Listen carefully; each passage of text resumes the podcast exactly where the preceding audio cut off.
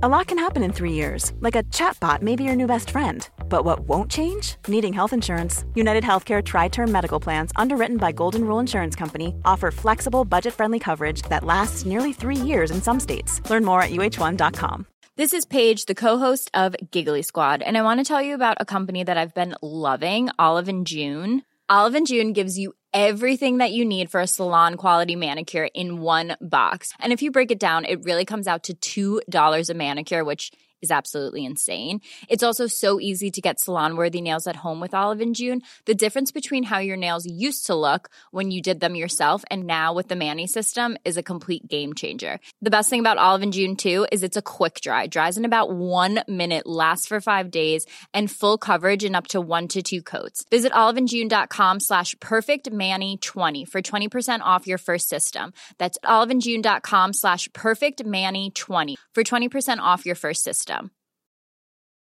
There's never been a faster or easier way to start your weight loss journey than with PlushCare.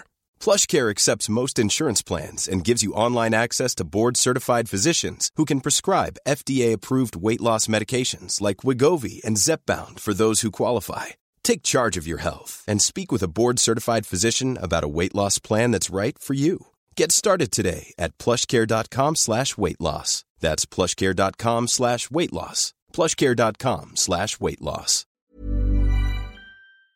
Ignition! Wow, wow. Hei, Simen. Hallo, Jonas-mannen. Er du påskrudd? Ja, i hvert fall kobla inn noen ledninger og diverse. Har du ute og kjørt bil i dag? Nei, det var noen andre som tok seg av. Ja. Og uforsvarlig kjøring. Kjenner jeg ikke til. Nei, ikke helt. Fin tur vi er på, Jonas. Det har vært en helt nydelig helg. Ah, før vi kom hit, så var jeg liksom litt sånn eh, Vet du hva, nå har vi jobba i helga. Så kommer vi, kommer vi hit, da, her hvor vi er nå, og så, så er jeg recharged. Immediately. Det var en helt sinnssyk dag hos uh, Ulf i går. Wow.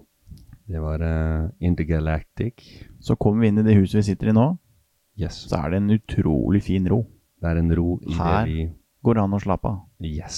Finne seg selv, eller noe sånt noe? Zen. Ja, Zen it down. Det er uh, helt uh, riktig. Og hvor er vi? Nå er vi Det er Hønefoss. Eller er det Vikersund? Det er midt imellom, faktisk. Midt så imellom. Tyristrand heter det her. Ja, Tyristrand, ja. Det er jeg faktisk veldig kjent med. Der, uh, her har meg og en kjent uh, kamerat uh, hatt mye gøy.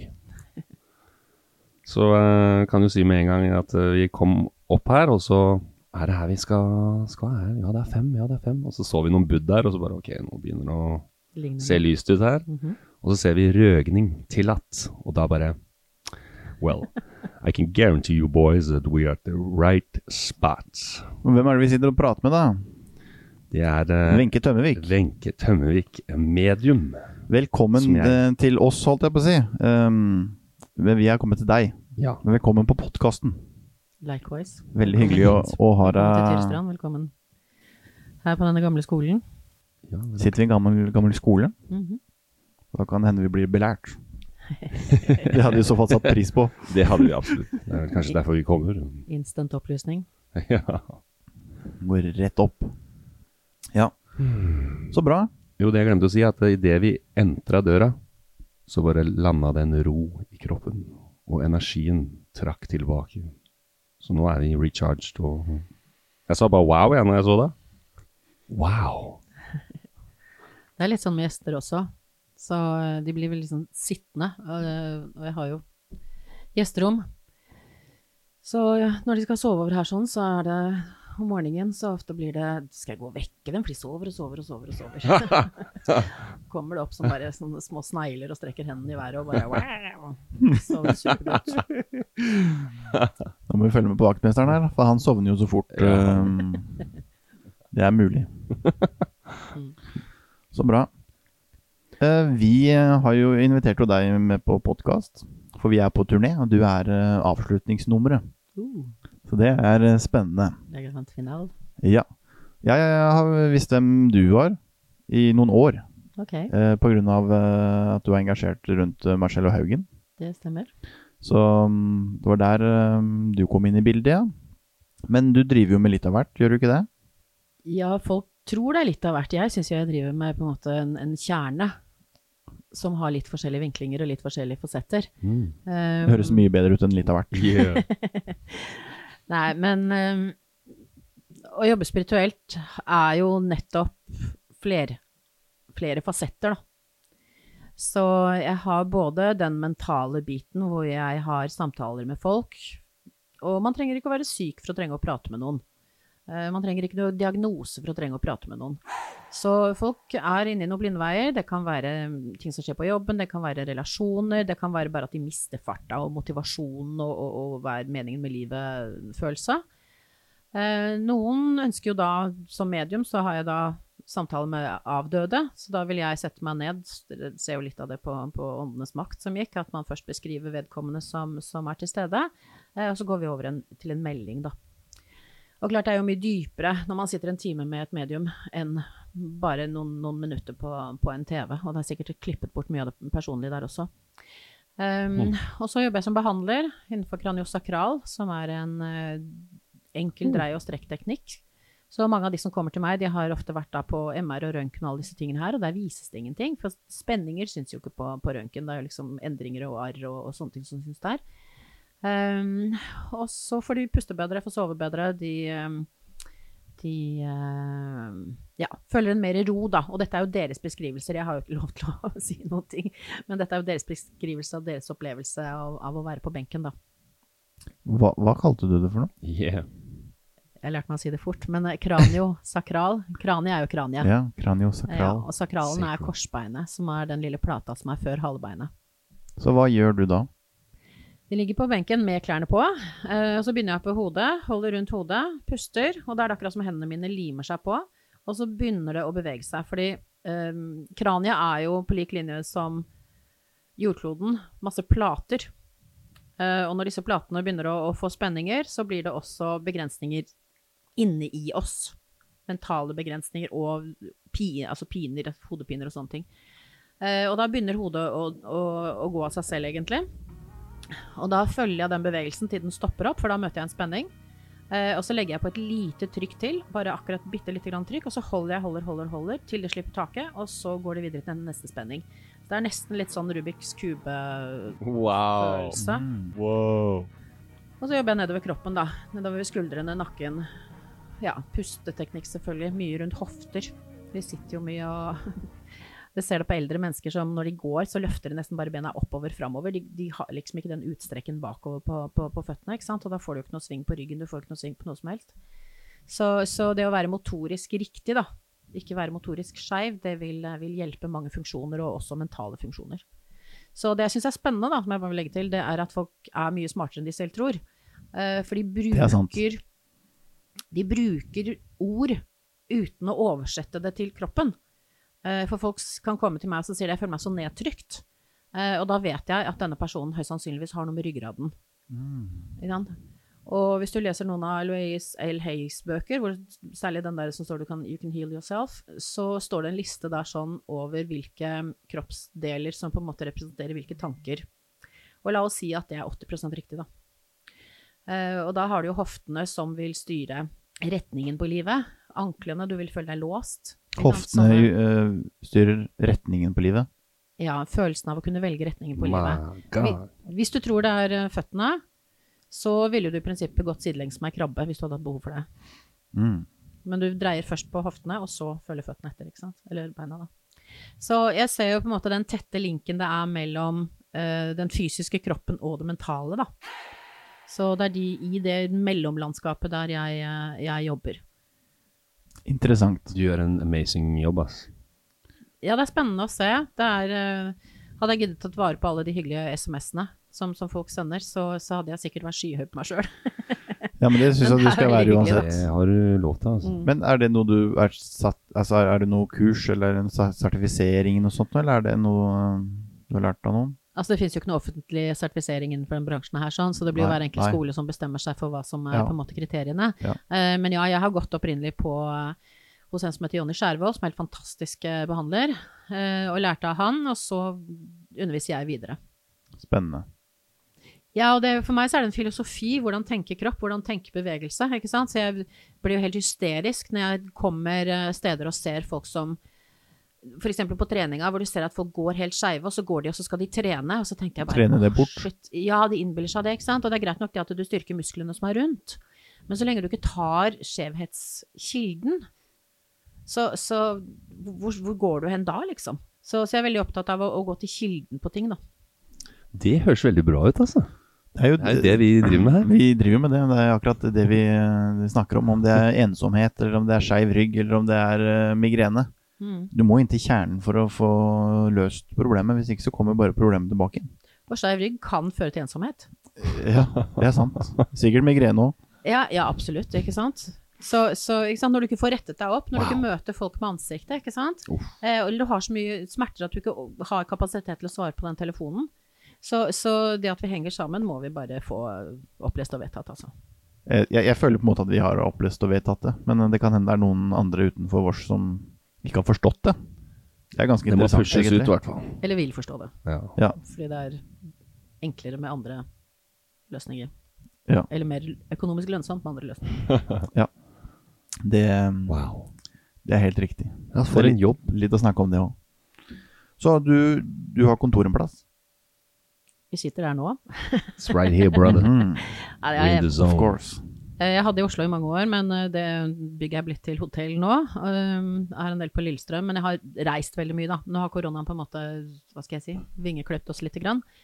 Men um, jeg har i prinsippet reist veldig mye. Det er jo bare Jeg er jo på en måte mitt eget verktøy. Så, Veldig greit. ja, så jeg har alltid tenkt at jeg må travel light. Så, så det eneste jeg trenger er selvfølgelig en benk i forbindelse med behandlinger. Men utover det så er det jo på en måte bare å få med seg bilnøklene og mobilen, og så dra. Og, Så og, og være snill med selve verktøyet. Altså deg selv. Åh, skal vi dit nå? Ja, men det er jo det er en jobb som skal gjøres likevel. Du skal være i sonen, og du skal tune deg inn, og Gans- selv om det faller deg naturlig, så Ganske tidlig uh, i mediumskapsutviklingen min så var jeg på et kurs nede i Danmark hos en som heter eh, Graham Bishop. Nå bor han i England.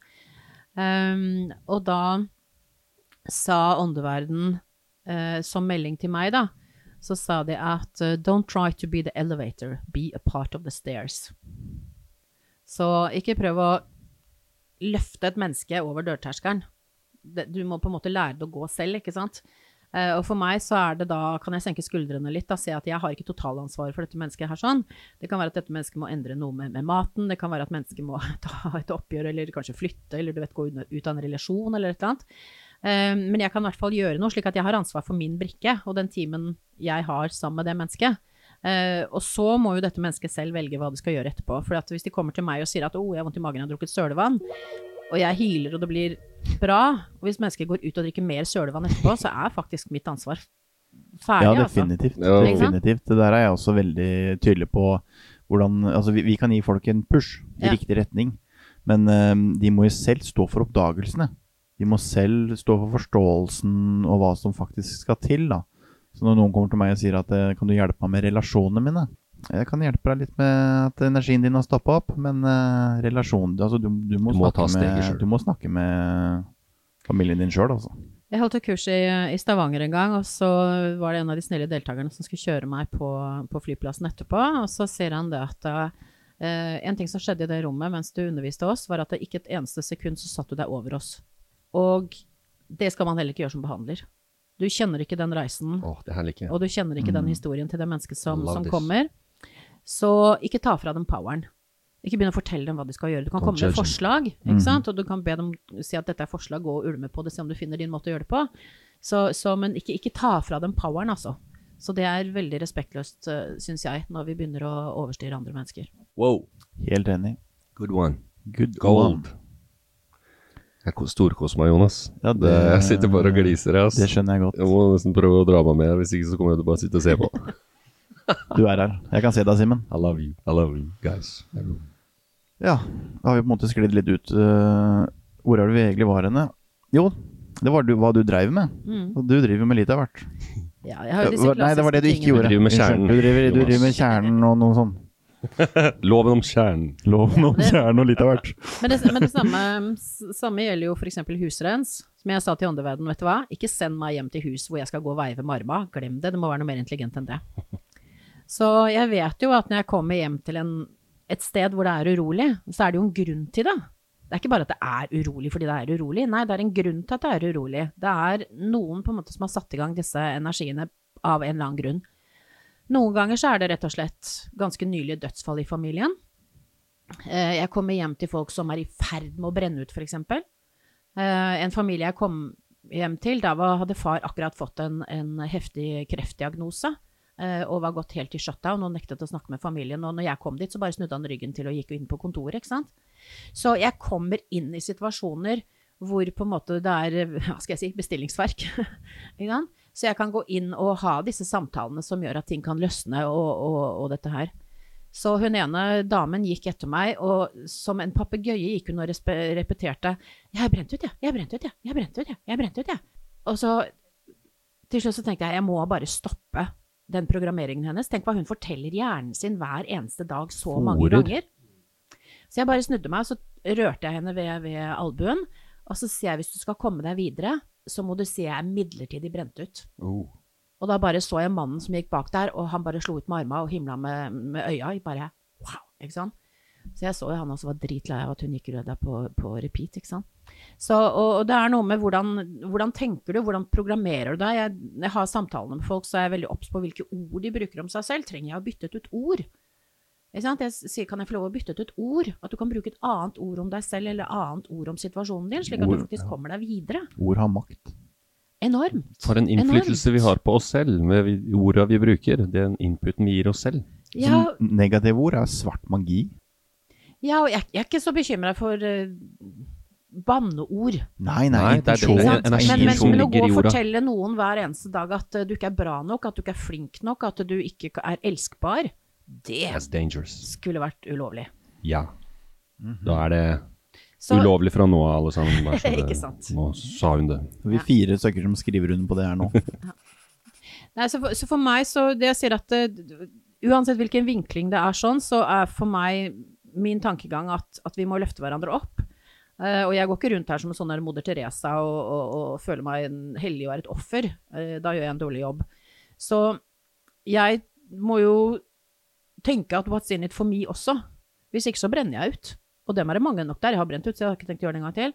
Um, og hvis du er et sånn eh, offer Jeg hører spesielt healere 'Å, jeg tar på meg alle sykdommene til klienten'. Mm, Eh, nei, du jobber dårlig, ikke sant? Ja, definitivt. Ja. Så, så jeg ønsker å leve i en bra verden, og hvis jeg skal få, få det til, så må jeg jo faktisk bidra, da.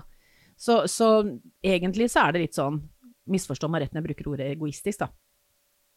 Men jeg, jeg vil ha det bra rundt meg, jeg vil ha folk som, som funker rundt meg, ikke sant? Det handler om å beskytte sin egen energi. energi. Og skal, ja, skal du kunne hjelpe menneskene sånn som du gjør, så må jo du avhengig av at den kraften din må jo være der. Ja, så min intensjon er at mens jeg lever på jorden, så skal jeg bli best mulig menneske. Det er ikke så gærent. Og ut ifra det, hvis noen kan høste fra de erfaringene, eller bruke noen av de, de tingene som jeg har opplevd, og, og, løse floker i sitt eget liv, liksom, hey go. Ikke sant? Ja, det er Ja, takk. to fluer i en smekk. Ja, det er nettopp det. Vinn-vinn, ikke sant. Yeah. Bom, bom. Kabooms. Er du Har du sovna, vaktmesteren? Han er våken som en klinkekule. Ja. ja er. I går så stekte han vafler. Uh, så vi fikk servert vafler med fårepølse Remix. under innspilling. Så han har hans.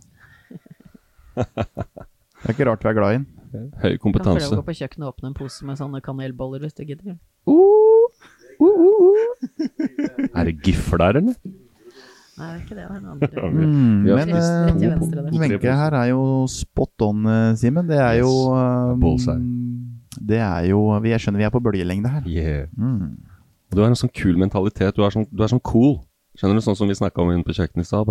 Det trenger ikke å være sånn og sånn og sånn. Jeg er jeg er ikke nødt til å ha den steinen og drikke den kaffen for å utføre de oppgavene her og gjøre den greia. di, For idet du er avhengig av den selenitten i den høyre lomma kjørt, og altså, den øreringen i venstreøra for å på en måte at healingen skal gå bra, At det klikker her. da er du ute og sykle. Så vi må liksom forstå at kraften er um, Det er vi som har kraften. Vi må ikke tillegge mange andre ting og tro at ikke vi er gode nok som vi er. Vi må ikke bygge en sånn greie rundt oss at ting må være akkurat riktig for at jeg skal fungere. Vi må ha tiltro til oss selv og tiltro til at At universet er med oss i den jobben. En av de store farene ved å drive og kopiere, er at ingen av oss kommer noe videre. Ikke sant? Yeah. Det blir som en masteroppgave. Aha. Hvis Det er noen som er litt ute og sykler der om dagen, ja. hvis du står og ser på noen andres måltid lenge nok, så blir maten din kald. Den var ny! You have to drag it out from somewhere. Nei, men jeg, jeg, jeg ser det jo som medium, ikke sant? for vi ser hverandre på scenen. Det er jo spennende å se hvordan andre medium jobber. Og uh, det skal ganske mye til for at jeg ikke vet hvem læreren din er, altså.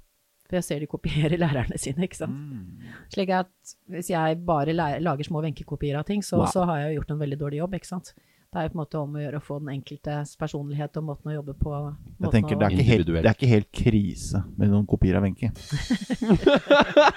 Det var søtt sagt. Men, men, øhm, men vi må videre. Mm. Det er jo Den individuelle reisen. Ja, og så skal vi ikke Vi skal som sagt skal ikke kopiere hverandre. Vi skal ikke være så avhengig av ok, hvor er han på reisen kontra meg, og hvorfor er jeg sånn og ikke han. Ja, det blir litt Vi, vi må ha tiltro på at vi går vår, vår vei, da. Mm. Og ha troen noe- på det. Det er noe med å forstå de prosessene som er. For det, den første fasen kaller jeg sanker. Ikke sant? Da henter du informasjon når du begynner å tenke hei, det er noe mer mellom himmel og jord, og Base det, one.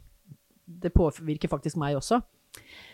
Så begynner folk å sanke. Da går de på litt kurs her, så ser de noe her, og så kjøper de en CD der, og så ikke sant, en stein. Altså de, de går og sanker. Og så kommer du inn i strukturfasen, hvor du begynner å tenke nei, ufoer er ikke min greie, liksom, eller eh, dit gidder ikke jeg å dra. Så, så, så begynner du inn i strukturfasen, hvor du begynner å putte inn de tingene som på en måte matcher med din personlighet og den, der, der hvor du er nå. Eh, og så kommer da til slutt den vanskeligste fasen, som er disiplinfasen, hvor du på en måte skal eh, det blir litt sånn som det er på messene noen ganger. ikke sant? De står og prater om kjærlighet, og etterpå så står de og krangler i heisen. ikke sant? Så det er noe med å leve din læren, da. Integrere. Uh, ja, og ha den strukturen og ha den disiplinen som, som er. Uh, og disiplin går ikke på sånn militær disiplin. ikke sant? Ja, jeg skal stå opp klokken åtte, og Listen da skal jeg meditere klokken åtte. ikke sant? Så det er ikke, det er ikke sånn militær disiplin, men det handler om å gjøre de tingene som du eh, Just do it, egentlig. Så, men det er, ikke, det er ikke Nike som har tatt den, altså. De har, de har stjålet den fra buddhismen, men det er greit nok. Uh, Mm. nice. Background information. Og det å være lydig til øhm, eh, de tegnene som kommer, og den intuisjonen Ja, til intuisjon. Klare å følge sin egen intuisjon og følge sin egen sti. Stå i sin egen greie. Istedenfor å skulle kikke ut til, um, til alle andre. Det er jo å være lydig, eller være disiplinert. Ja, hvis du skal utenfor komfortsonen din, så må du faktisk gå inn i ukjent landskap. Mm. Du må gå inn i områder hvor du tenker 'jeg vet faktisk ikke hvor dette fører hen'. Yeah. Jeg vet ikke hvor dette, dette her skal være. Uh, og jeg vet ikke hvor mange hundrevis av readinger vi har hatt, eller sittinger vi har hatt, hvor jeg på en måte har gitt informasjon. Uh, og så blir folk litt sånn mm, 'ja, nei, vet ikke, kjenner ikke helt til det der'. Uh, og så etterpå så sier de 'gud, det stemte 100 det du sa'. Ikke sant? For at det, det kommer jo da, det lander jo etterpå, ikke sant. Eh, og ting jeg absolutt ikke kunne vite, og absolutt ikke kan plukke opp fra dem. Så, så, og det må jo gjelde en selv også, ikke sant. Eh, for mange år siden, eh, når jeg begynte med dette her sånn, så hadde jeg et senter på Grønland en periode. og da sa åndeverden til meg at ja, du kommer til å være på TV, du kommer til å, å, å gi ut CD, du kommer til å, å være på radio og sånne ting. Jeg tenkte bare yeah, right. ikke sant? Her sitter lille jeg. Hva, hvordan skal jeg gå og tro på noe sånt? Men så bestemte jeg meg i hvert fall for at jeg ikke skulle si nei. God start. Tenkte at kommer det, så kommer det, og kommer det i den rekkefølgen det skal, så kommer det i den rekkefølgen det skal, og så, blup, blup, blup, så hadde jo plutselig alle disse tingene skjedd. Så, så um, det er noe med å ikke si nei. Så, så jeg liker den du vet, på Facebook, så flyr det innimellom sånne der kjempekloke plakater forbi, vet du. Og da var det en plakat hvor det sto at If nobody's laughing at your dreams, your dreams are too small. Og den syns jeg er litt kul. Så tør å, drømme, tør, tør å drømme litt stort, på en måte. grensene. Ja, ikke sant? Kast, eh, kast den steinen litt lenger enn akkurat eh, over uh, gjerdet til naboen. Ja, Put yourself beyond the moon. Prøv på en elv istedenfor. ikke sant. Ja, men Jeg liker det du sier om disiplin der. altså For meg så er disiplin å kontrollere egoet ditt. Dine følelser som kan kødde det til, og være trygg i sin egen kraft. Ja, det er det jeg syns er litt plagsomt med folk, for de sier at ja, men den og den personen er sånn. Sånn som de har en tendens til å si til meg ja, Wenche, du er så innmari sterk. Og da svarer jeg alltid jeg er det også. For jeg, jeg, jeg fikser ikke å bli satt i en bås og bare skulle være én ting. Ikke sant? Og dermed så får du støtt og stadig kjendiser som bare 'ja, jeg har vært gjennom en vanskelig periode, og endelig kan jeg snakke om det', og sånn. Det var bullshit. Hvem er det som ikke skjønner det, ikke sant? Så det er noe med å få lov å være hele spekteret sitt, da, uten at det skal betegnes som dårlig, svakt, ikke bra, hva det måtte være. For det skjer ikke noe endring før det er litt kaos. Ikke sant? Så alle, alle endringer er jo litt kaos i starten, ikke sant? Alle ting du har fått til her i livet, har du jo oppnådd etter å ha vært gjennom eh, noe krevende. Så når Som du da regel, møter ja. på en ny hindring, i, i, hindring, så tenker folk ja, men da ble ikke noe av den eh, Altså, se bak deg, da. Ingenting du har fått til, har du fått til på, ved å knipse med fingeren. Iallfall det meste. Så du må ta de endringene på kassa, da. Tåle det. Noe må, må legge inn innsats og legge inn energi i det. Ja. Hvis det, skal skje en, eh, hvis det skal skje en endring, og noe må stå i det også. Så, Og være, så og være, det masse takknemlig, takknemlig for det òg. For lærdommen du får underveis. Eller dritforbanna. Ja, det må du gjerne være, men etterpå så så kan du like gjerne være takknemlig for lærdommen du har fått ut av det. da. Du har jo lært noe. Ja, og Men ikke vær redd for å være sint. Nei. Nei, nei. Ikke sant? Altså, noen ganger så krever det en sånn super En kamp. Ikke sant? For å få ut dette innestengte. Yeah. Og så kommer takknemligheten over det. Jeg hadde en situasjon her i huset hvor vi er nå, det var før jeg hadde pusset opp, hvor um, i 2009-2010 der så var det kjempekaldt. Da var det minus 35 grader her i, i tre uker. Og nå har det pusset opp, men da frøys vannet. Da var du forbanna. Det hadde jeg ikke tid til, jeg måtte bare tenke vann. så da Vi bar vann, vi hentet vann, du vet, dusjet hos naboer, vasket klær hos, eh, på jobben. Altså, ikke sant? Alt, var, alt i 19 dager handlet bare om vann. Og så endelig så slapp den kuldeproppen, da, heldigvis. Og da når jeg sto med hendene innunder det, det, i dusjen, i det tempererte vannet, eh, så bare skyllet en sånn enorm takknemlighet over meg. Ikke sant? Count your blessings-følelsen. Eh, tenkte bare herregud, så mye vi tar for gitt. ikke sant? Altså tak over hodet, vann i springen, eh, mat i kjøleskapet, klær på kroppen, eh, i det hele tatt. ikke sant? Og så bestemte jeg meg for, og det er jo greit nok, den kan man ha, men jeg bestemte meg for der og da å ta et fotografisk minne av den følelsen. Så jeg på en måte programmerte meg selv til å kjenne igjen den følelsen. Og så øvde jeg meg på den flere ganger om dagen uh, i Nå husker jeg ikke om det var to eller tre uker, det, det vet jeg egentlig ikke. Men uh, så var det en morgen her hvor hun våknet opp sant, med hår i alle retninger. eh, Katta hadde kasta opp, eh, bikkjene hadde velta maten, og alt var bare kaos. Og så var jeg på veien på vaskerommet for å hente en klut, og så plutselig så veltet den takknemlighetsfølelsen over meg helt av seg selv, uten at jeg på en måte hadde bedt om det. Wow. Så jeg har jobbet en del med å få følelser som tilstander, og ikke bare som hypes. Og da må det innimellom litt kraft bak, eller, eller en, en øving på å, å være det. Og jeg tror at mange folk gjør det instinktivt, de tenker ikke bare over det, ikke sant. Um, han jeg var gift med, lykkelig skilt nå, han, familien der, når vi kom ned dit, så var det de samme historiene på hver eneste gang. Jeg holdt på å bli idiot av å sitte og høre på de samme. Å, så var det den gangen farmor løp nedover bakken, ha, ha, ha, ha, ha, ikke sant? Så spennende. Kommer aldri noen vei. Aldri! Og det var som å gå på repeat, ikke sant? Folk kaller det familiedrama eller whatever, ikke sant? Og jeg sitter i bilen og så tenker jeg, hva er det de driver med? Hva er det de driver med? Og da har du den hypen igjen, ikke sant? På lik linje som å kjøpe et plagg, eller du vet, gå på byen, eller whatever du, du bruker som, som en sånn hype. Det er ikke noe genuin lykke. Nei, men du fyller deg opp akkurat der og da, ikke Ja, sant? ja. Så sitter du i bilen etterpå Temporary. og tenker at jeg har verdens hyggeligste familie, nå har vi ledd masse sammen og spist gode kaker, ikke sant? Gets you nowhere. Men den, den gir deg den hypen, altså hvis du hadde brukt hypen til noe? Og vi gjør for så vidt det i meditasjoner, vi sier at gå til et sted hvor du kjenner deg lykkelig. Så vi har på en måte skjønt den litt da, men ikke helt. For det, det er ikke snakk om de derre å være spirituell på tirsdag mellom klokken 18 og 21, ikke sant? Nei, nei. Det er snakk om den der, hvordan du har det i hverdagen. It's what you do every day, ikke sant? som er, er greia. Ja, og folk har eh, godt av å skjønne at eh, man kan være lykkelig når man sitter her nå. Ja, den er litt Um, morsom. Du Man kan være lykkelig når man eh, kjører bil, eller hva som helst. Man trenger ikke gå på en fjelltopp der borte. Eh, nå var det riktignok ikke noe fjelltopp der borte, men Går du langt nok, så er det fjell. der. ja, helt riktig. Du trenger ikke å sitte der oppe i lotusstilling for å være lykkelig. Nei, nei, men du ser Du- du- politikerne når de har vært i Afrika, ikke sant. Der, de bare smiler og ler, og de har ingenting, ikke sant. Altså det er liksom null kobling på, på, på hvor lykken kommer fra, da. Ja, for den kommer innenfra. Absolutt. Ja. Mm. Uten unntak. Så det å jobbe seg gjennom, ta i spekteret og si at vet du hva, jeg er faktisk litt low på dette med lykke. Hvordan skal jeg klare å glede meg? Hvordan skal jeg klare å juble? Og det kan man øve seg på. Det er det som er genialt innenfor disse, disse tingene her. ikke sant? At du kan øve deg på det. Du kan øve deg på å sitte i den energien og hype den opp. ikke sant? Jeg bodde i Oslo mange år.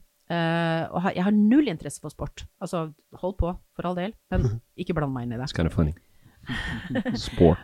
Og så gikk jeg jo frem og tilbake fra, fra, fra jobb da, og gikk forbi disse fotballpubene, ikke sant. Og bare hadde alle klisjeene klare. Herregud, det er 22 voksne mannfolk som løper rundt på en gressplen, ikke sant. Gi dem hver sin? Jeg hadde alle klisjeene klare da. Og så plutselig en dag så datt skjetongen ned, da. Så tenkte jeg, klarer du å juble sånn da, Wenche? Så jeg gikk her på dette gulvet, her hvor vi sitter i dag. Ja, for du gikk ikke inn på puben og prøvde å liksom skli inn? If you can't beat them, join them, liksom. Nei, jeg gjorde ikke det. Så det er det som er genialt, at du kan gjøre det i hodet, ikke sant? Det hadde vært kult hvis du bare hadde dratt fram et bilde her nå av deg og 50 mannfolk på en pub Sånn i Oslo. fotballskjerf over huet. Ja. Nei, men jeg gikk her hjemme, og så prøvde jeg å løfte armene, og så bare uh, uh, uh, uh, uh. Jeg, jeg klarte ikke å løfte armene engang, ikke sant? Jeg hadde ikke noe lyd, jeg hadde ikke noe, jeg hadde ikke noe rope. Jeg hadde det ikke. Jeg hadde det ikke i kroppen i det hele tatt. Så jeg tuller ikke. Jeg holdt på uh, uh, uh, ikke sant? Jeg holdt på her i 40 minutter. Jeg klarte å løfte hendene sånn ordentlig over hodet og juble, da.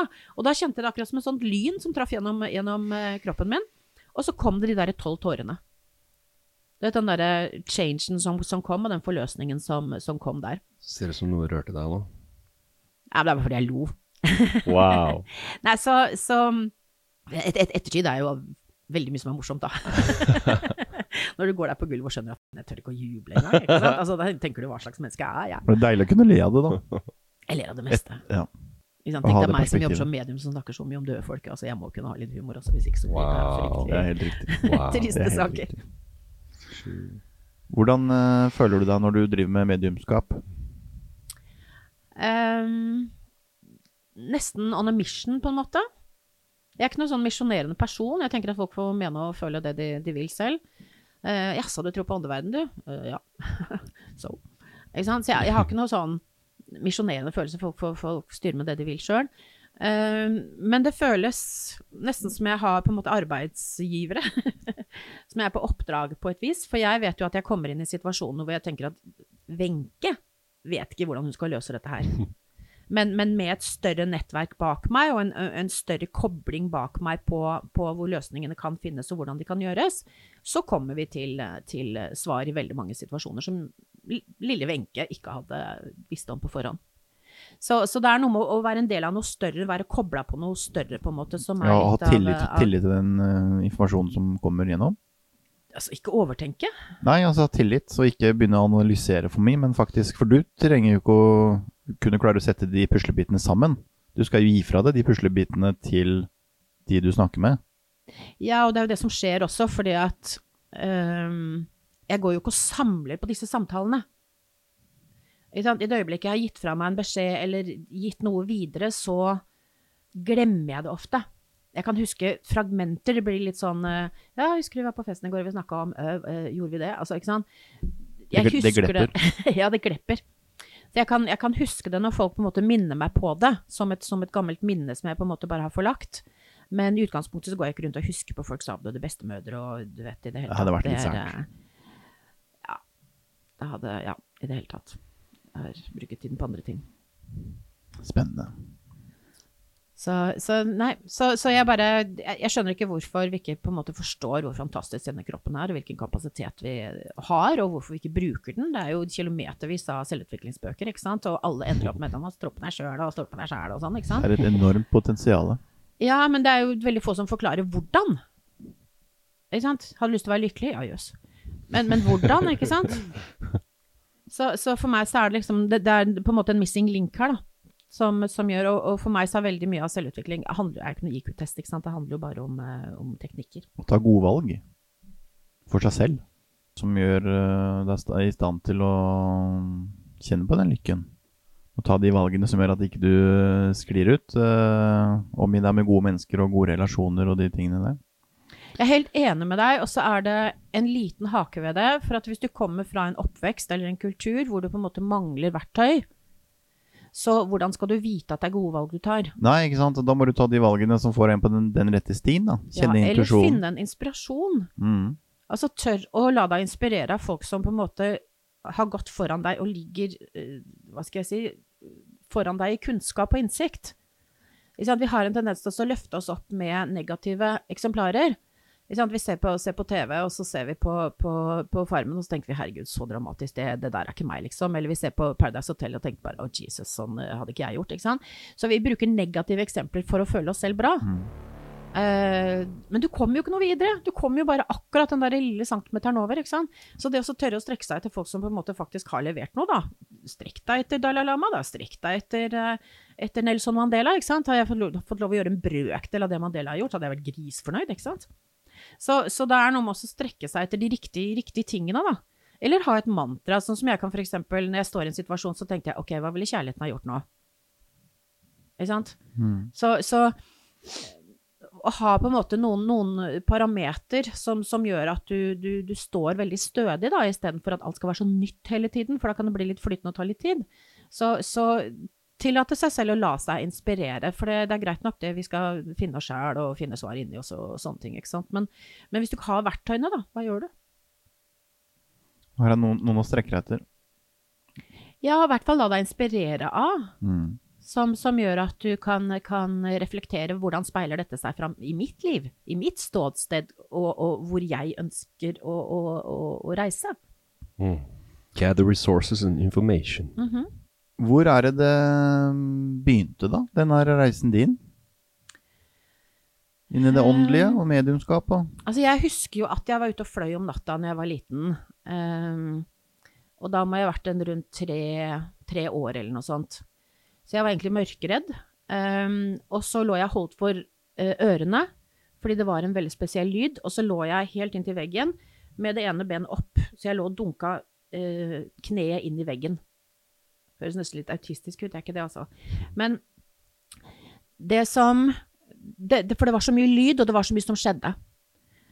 Og så hadde jeg jo alle disse indre vitene og ting jeg skulle gjøre, og sånne ting, og jeg var en veldig sjenert eh, lita jente.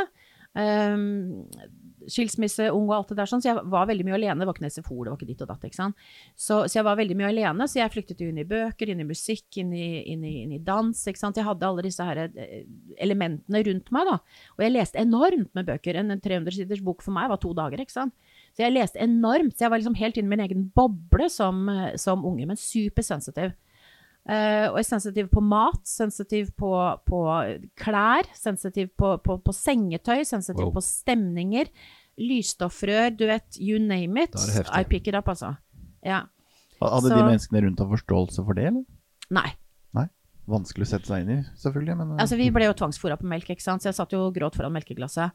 Uh, og så merker du når melka er i ferd med å bli sur, for da begynner den å bli søt. Den bikker uh, en sånn smaksgreie.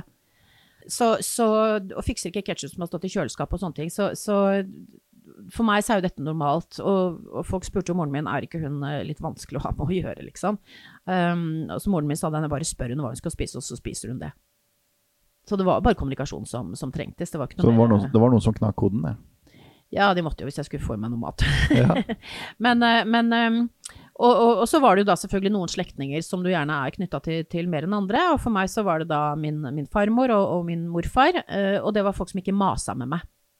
Ikke sant? For jeg bare fikk være med og være, være rundt. Så de fleste av oss har på en måte en sånn slektning av noe slag, heldigvis, da. eh, som vi på en måte kan relatere oss til at der føler vi oss hjemme. Ikke sant? At vi på en måte kan bare være helt lax. ja. Trygt, trygt og godt. Ja, men det er noe som ser deg på et vis, da, Mm. og ikke krever noe annet av deg enn det du faktisk eh, er. Thank you. Det trengs. Så, og igjen alle disse tingene her. Jeg hadde eksempel, eh, når jeg dro mellom mamma og pappa, så hadde jeg på en måte Jeg er såpass lat at jeg måtte selvfølgelig finne den korteste veien. Og så innimellom så sa bare magefølelsen mm -mm, ikke ned den gata her.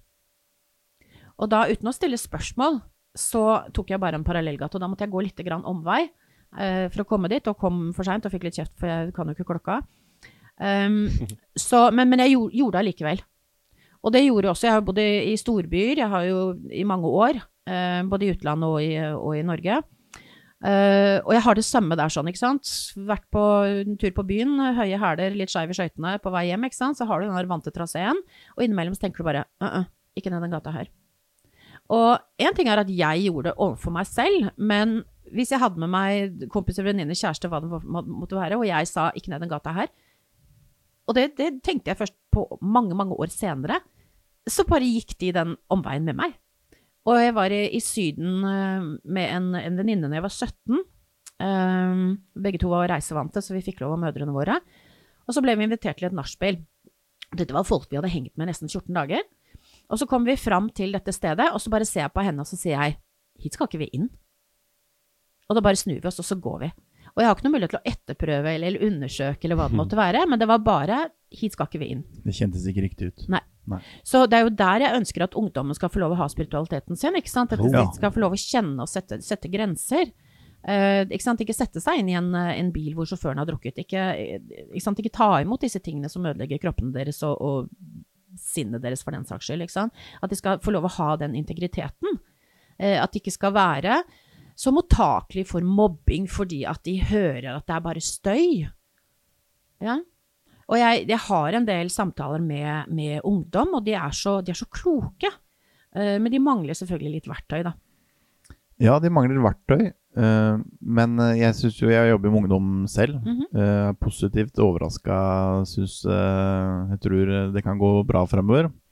Men mange sliter jo med den derre tilhørigheten og være god nok eh, og noen ganger gjøre, de, gjøre ting for å, for å passe inn. Fordi at de tror at andre forventer at de skal gjøre, gjøre de og ta, ta de valgene. Så de må um, Klart Janteloven står fremdeles ganske sterkt i Norge. gjør det. Særlig når det Mm, er where is it?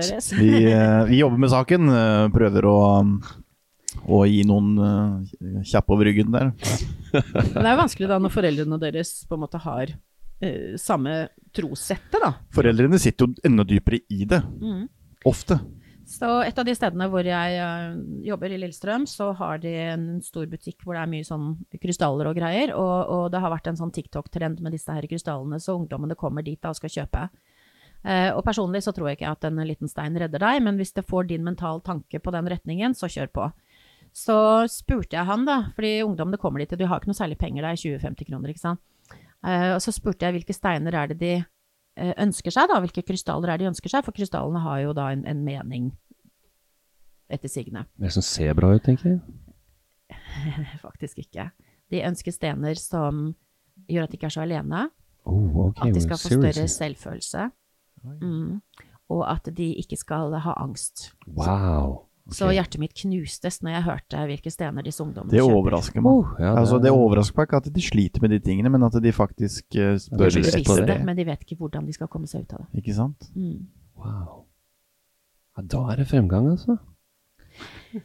Ja, på en måte så er det jo det. Ja, det så bevisstheten er der, men, men, men hvem er det som gir dem verktøyene, ikke sant? Og da kommer de nye skolene som eh, kommer opp nå sånn, da, til å bli eh, aktuelle der. Vi krysser krysse jeg- fingre og tære alt som krysses kan, og satse Yes, på at that's what we're talking about right here. Mm.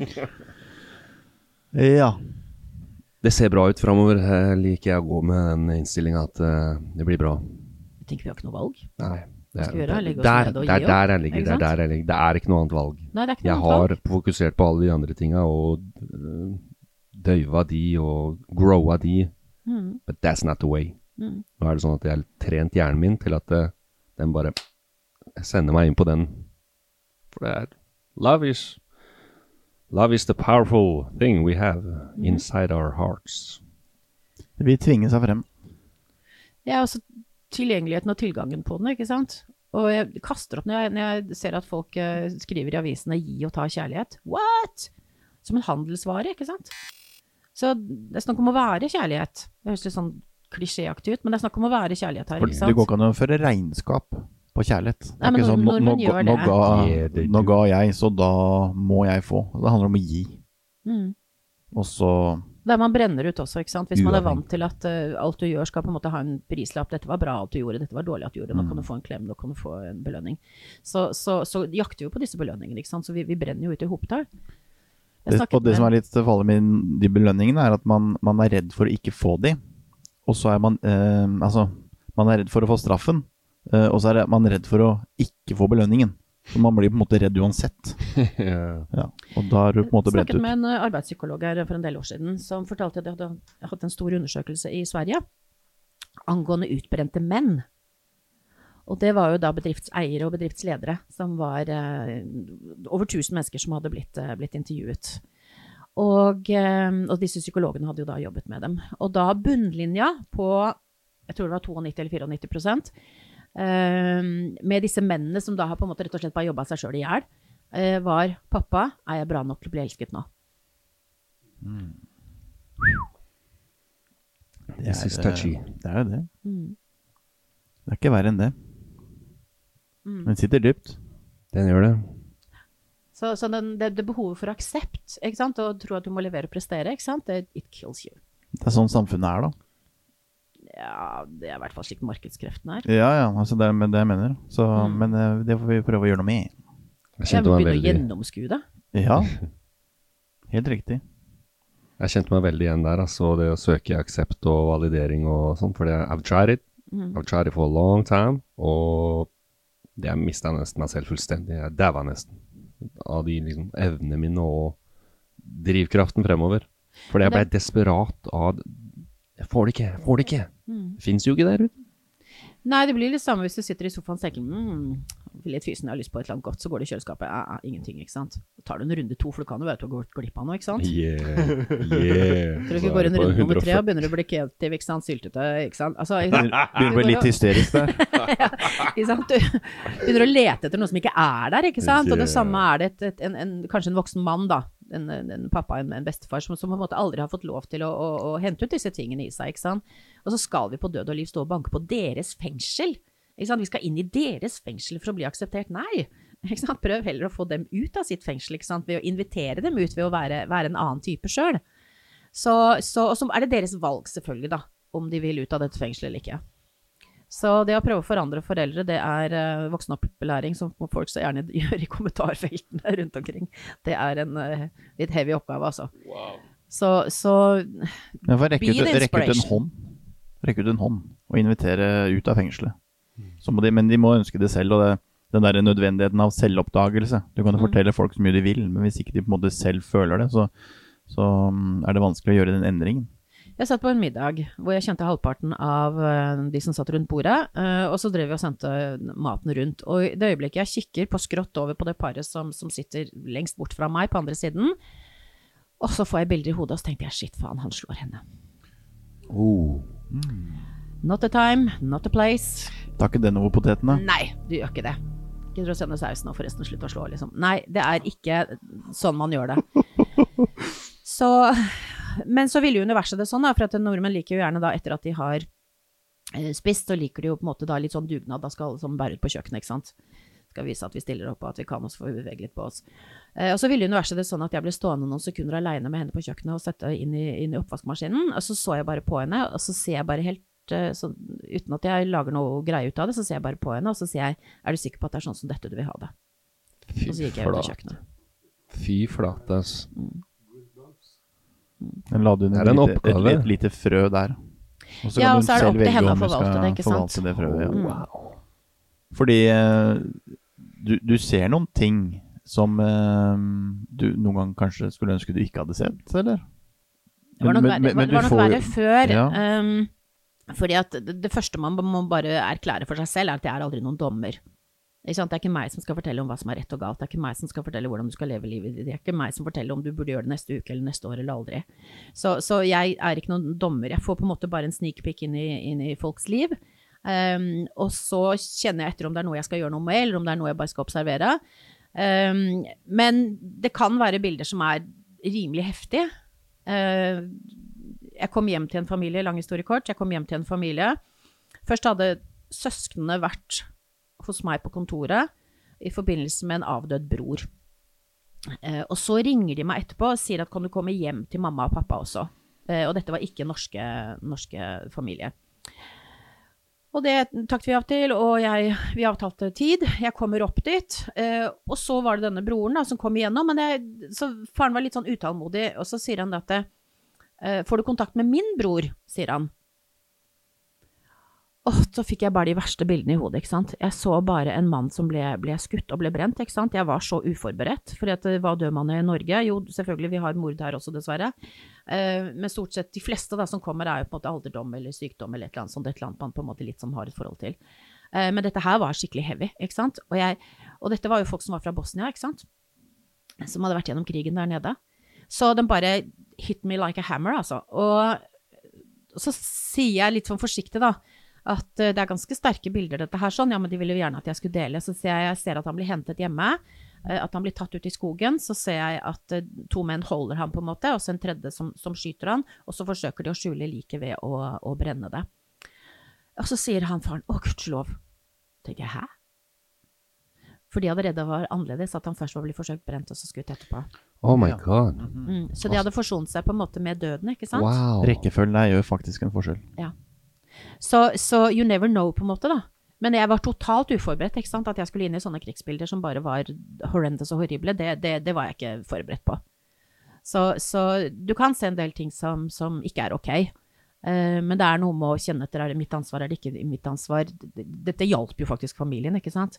Så, så det er mange sånne, sånne ting hvor jeg ofte tenker at jo mindre jeg forstår av det jeg driver med, desto bedre jobber jeg. for da styrer jeg det ikke med min lille hjerne, ikke sant. Du, du, du får deg fort å, å forurense det. Ja, eller påvirke det på noe vis, ikke sant. Ja. Ja, så, så, jeg bruker å si det når jeg jobber med klienter, og så sier de 'hva driver du med nå?' Så sier jeg 'aner ikke', sier jeg. det er det beste svaret du kan gi. og egentlig det er da jeg jobber best, ikke sant. For da hindrer jeg ikke det som, det som jeg får tegn og signaler og det er som jeg sier til deg Simen når du spør meg hvordan er du forbereder deg på en healing, eller har hatt gruppehealing, da. Mm. Helt, can't do. Helt tom i huet. Ja. Det, det, kommer. Ja, ikke sant. Det er noe med å være i den, den guidingen som, som, kommer, og så ha den, den, trusten på at det er den tilliten på at det, er, det blir som det skal være. Yeah. Wenche, uh, mm -hmm. kjenner du noe her nå? Jeg hadde fokus litt andre steder. jeg kjenner at det er mye energi her, det er det. Ja. Kjenner du noen tilstedeværelse hvis du lukker øynene eller åpner øynene, holdt jeg på å si? Ja, det er det jo hele tiden. Åndeverden er jo hele tiden. Så selvfølgelig kan jeg sette meg ned og ta en, en, en sitting her nå, så gå gjennom. Jeg kjenner at det er en mann her sant, som pusta dårlig.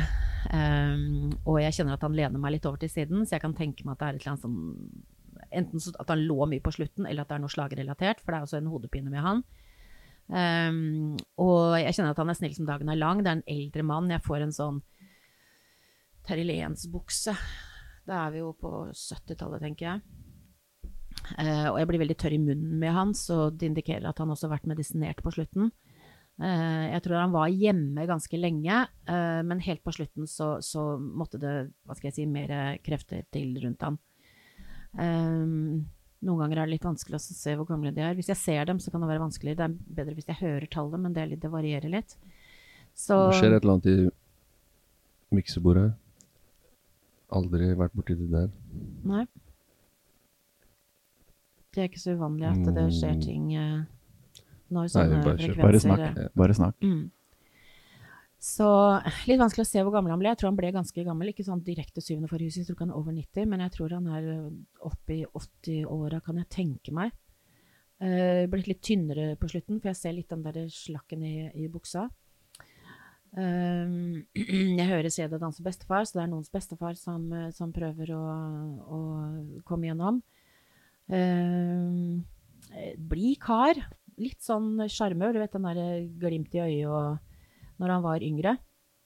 Uh, jeg hører Raita til Raita Raita, så jeg antar at han har likt å danse eller likt musikk når han var, uh, var yngre. Det er mange som gjør det, da, men nå snakker jeg spesifikt om han karen her.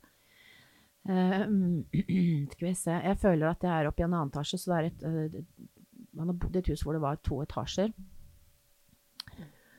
Og jeg blir fryktelig dårlig i, i, pusten og i stemmen av han, så han må ha hatt problemer med å kommunisere på, på slutten der. Mm, er det noe mer du ønsker å gi? Skal se ja, han, han, sier han, han, måte, han visste at han var dårlig, så han var på en måte sånn forsonet med at nå er det, nå er det min tur. Uh, og han uh, har nok hatt en liten barnetro, for han stolte liksom på at uh, nei, dette fikser Gud, liksom. Når jeg kommer over, så ordner det seg. Ikke noe sånn som flyr på menighetshus og, og sånn type, type dybde på det, men, men litt den der barnetroen på at det må være noe, være noe mer. Så jeg vet ikke om noen av dere har kjent en sånn type kar? Nei, jeg vet hvem det er. da. Det er bestefaren min. Ja, Kjente at han var her. Wow. Det er derfor jeg spurte. så kult. Mhm. Det var spot on, det, eller? Veldig. Wow, man. Så bare, Grunnen til at jeg, jeg hadde egentlig tenkt å spørre deg tidligere, men den, den, pusha på. Så jeg, den ville at uh, vi skulle spørre her, så jeg, derfor jeg bare plumpa litt rett ut i det. Ja, ja. Det gjorde jeg jo. Og du bare tuna rett inn, da. Rett på. Kunne ikke beskrive det bedre. Ja, jeg tenkte jo litt på noe annet her, men gi meg to sekunder her. Holy smokes. Da har du kobla på. Det er rått. Da skal vi i hvert fall ut her. Jeg har på en måte en tendens til å gjøre det. Både med bilen og med podkasten. Ja. Sånn er det. Så fint. Så bra. Takk. You are welcome. Bra. De kommer jo ofte for å si noen ting, da, så du får velge om de, de skal gå dit nå eller etterpå. Ja, det Tar vi en hel tur, eller? Vi kan ta en helt ut, vi. Mm. Thank you. Han sier at vend deg aldri tilbake, altså gå bare videre. Han sier at det er ikke noe å fikse, på en måte. Eh, det som var, det var. Eh, og selv om du gjerne skulle ønske at en del ting var annerledes, så bare gå videre. Det som du har prøvd å snøre opp i, er jo slik at folk har en tendens til etter en tid å, å justere det etter sitt eget minne, og justere det etter sin egen tro på hvordan det var den gangen, og at de har analysert det. Slik at det som skjedde i den, den perioden der sånn, er på en måte såpass justert at du får på en måte den sannheten de har lyst til å tro selv på. Så eh, don't go there. Bare si at sånn var det. Uh, og heller se hvilke, hva har det gjort med meg, hvilke speilinger er det i meg som jeg kanskje må, må kikke på. Uh, og det gjør også at du er litt sånn det jeg kaller bufferbarn. Ehm, så hvis det er veldig rolig, så liksom kom igjen da, alle sammen, ikke sant? Eller hvis det er veldig ekstatisk, så kan du liksom prøve å roe det ned. Så du, du blir på en måte alltid den som går i motsatt uh, for å holde balansen. Så Ja. Definitivt. ja. Så det handler ikke om at, at eh, du skal gå bort fra den evnen, men det handler om at du skal kunne kjenne at du kan velge. Jeg, er det jeg som skal gjøre det her nå, eller eh, er det ikke min oppgave? Så, så det handler bare om å flytte det fra nesten en sånn impuls til et valg. Mm. Mm. Det er spot on. Fullstendig. Så han, eh, han er jo med meg Vært veldig tydelig med meg, egentlig. Eh, Etter at jeg åpna opp Spirituelt jeg, for mm. fire år siden, Ja. så var han der med en gang. På en Mm. måte stått og, og klappa og heia på en måte på den veien som jeg har valgt, da. Mm. Så det er fint. Fin bekreftelse. Mm. Aldri sagt noe. Han har på en måte bare stått i bakgrunnen og på en måte bare visst, visst en sted, tilstedeværelse. Det kommer etter hvert også, ikke sant? At Ja. man forstår litt mer eh, hva de bringer på bordet. Mm. Eller til bordet. Mm. Så fint. Hjertelig. Tusen takk. Går det bra med deg, vaktmesteren? Han er litt satt ut, han òg. Kjærlighet kalles det. Ja. Ha Ja, det er bra. Ja, det Da tok vi en helt ut av dere. Ja, det gjorde vi faktisk, ass. Ja, fytti grisen. Det var bra. Ja, så bra. Takk igjen. Så, men det er noe med å forstå at folk prater om dette som nye ting, da. Men det er jo ikke noe nytt. Det Er gæren? Har ha vært eldre, tida? Så selv ikke i Norge. Når jeg begynte med disse tingene her, så var det liksom Ja, må huske på samene, og det, det, det er deres spirituelle alibi. What? Ikke sant? Vi har da også en kultur og en gjelder det- gjelder det og- alle. Det er ikke mennesker Ja, vi har jo opprinnelig en sjamanistisk kultur vi også, med Tor Odin, ikke sant? Mhm. Og se hvordan den har utviklet seg videre til å være mer naturleger og, og ja, kontakt med dyr og, og det rundt seg. Så, så det er jo målet gjennom Marcello Haugen-stiftelsen også, eller ikke stiftelsen, foreningen, å prøve å bringe det til litt yngre folk, da. At de får det tidligere. At man ikke må sitte og reparere seg sjøl som 45-åring før man skjønner eh, Oh, hva dette her er. Ja, for det er faktisk noe med det. Du trenger ikke å være halvveis i livet, eller for den saks skyld ligge på dødsleie, før du på en måte skjønner greia. Mm, Det er lov å oppdage det tidlig. Ja. Og ikke minst uh, veldig fint. Så, og det er selvfølgelig sånn derre Ok, de tingene du, du erfarer, shapes you, på en måte. Eh, men, men når folk skal bruke da, mange tiår på liksom shape yourself back, så, så vet jeg veldig mye annet morsomt vi kan drive tiden med, altså. Det er jeg helt sikker på. That's a fact. Så, så være stolt av hvor vi kommer fra, være stolt av opphavet og vite at dette er ikke noe, noe nytt. ikke sant? At det var en, ja, det er en kulturell greie i Norge, og det har det sikkert vært andre steder, men nå er det jo akkurat her vi sitter, da.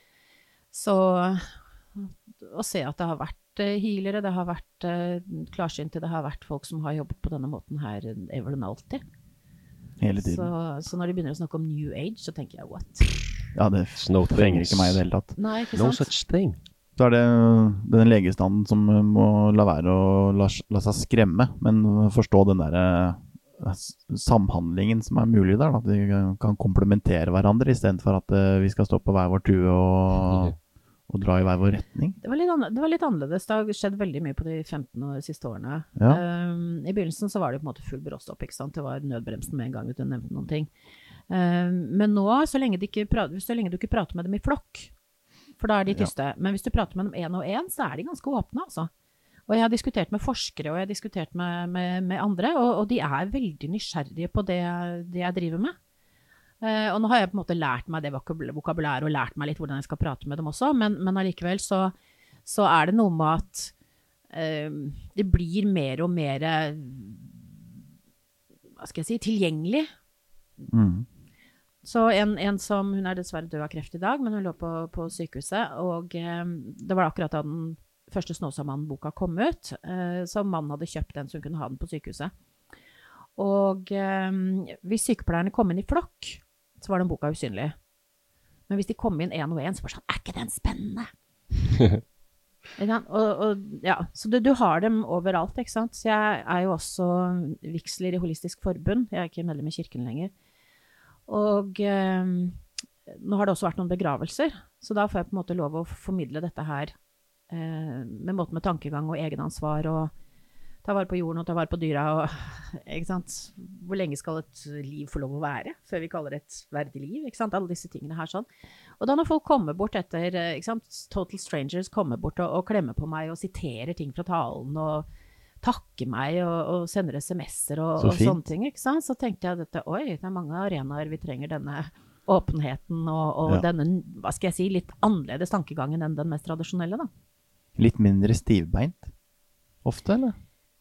Jeg, jeg føler i hvert fall det, at vi er på en måte Litt mer dynamisk. ja, litt mer dynamisk, og ikke det der liksom i mange andre retninger. La oss ta kirken, da, så kan det ofte være at man på en måte man står liksom så opp på sin greie at dette her er det riktige, og dette skal være på denne måten. På Ja, det er det for forventninger. Jeg tror forventninger skaper utrolig mye dårlige resultater. ja, Skaper frykt. Ja. Og det var så fint. Jeg bruker å si at jeg ser akkurat på TV det jeg skal se, for jeg slår på, og så bare havner jeg inn i et, et, et eller annet som, som jeg plukker opp. Um, og da, for noen år siden, så var det den begravelsen til Klungeland, han som ble skutt eh, under Nokas-ranet i Stavanger. Politimesteren der. Eh, og da bare fikk jeg det for meg at jeg skulle skru på TV-en, og havna da midt inn i, inn i den begravelsen. Og da var det enken som gikk opp for å, å tale. Jeg skjønner ikke hvordan hun klarer det engang, jeg er alltid en forsonell jeg hadde aldri klart det. Men hun da sterk som en ja, gikk opp og holdt en tale. Og så sier hun på slutten av talen, så sier hun bare ikke vær redd for å komme og uh, prate med oss, og ikke vite hva du skal si, for det vet ikke vi heller. Ikke sant? Åpne dørene, bare. Bare være der for Ja, hverandre. altså, om det så er å være stum, ikke sant? Jeg bare sitter der. Ja, eller om, det, om du har noe, noe du har lyst til å si, eller om du har lyst til en klem, whatever.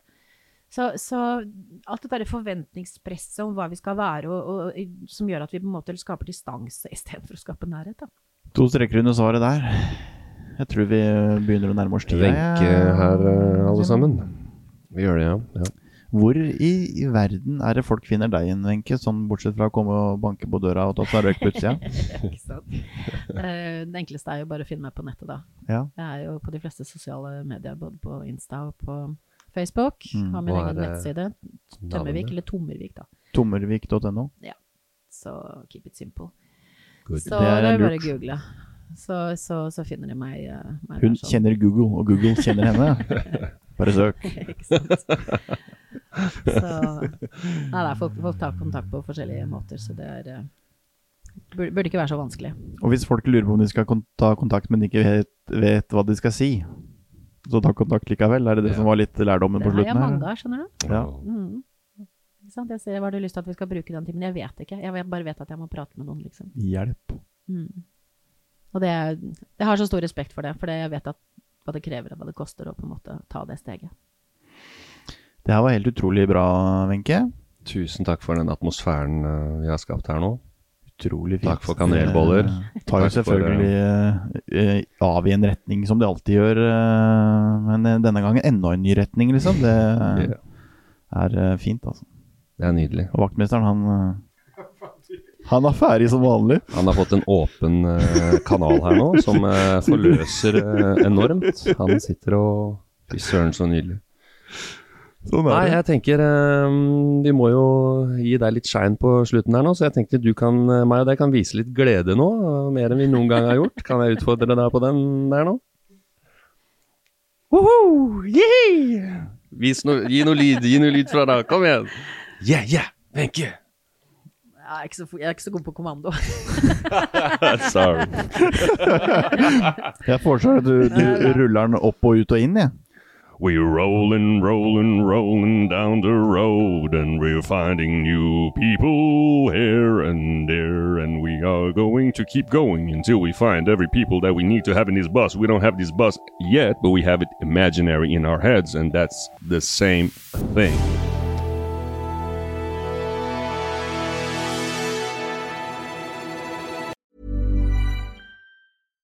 Ever catch yourself eating the same flavorless dinner three days in a row? Dreaming of something better? Well, HelloFresh is your guilt free dream come true, baby. It's me, Gigi Palmer.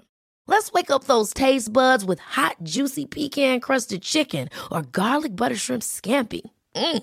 Hello Fresh. Stop dreaming of all the delicious possibilities and dig in at HelloFresh.com. Let's get this dinner party started. Hey, it's Paige DeSorbo from Giggly Squad. High quality fashion without the price tag. Say hello to Quince. I'm snagging high-end essentials like cozy cashmere sweaters, sleek leather jackets, fine jewelry, and so much more. With Quince being 50 to 80% less than similar brands. And they partner with factories that prioritize safe, ethical, and responsible manufacturing. I love that. Luxury quality within reach. Go to quince.com slash style to get free shipping and 365 day returns on your next order. Quince.com slash style.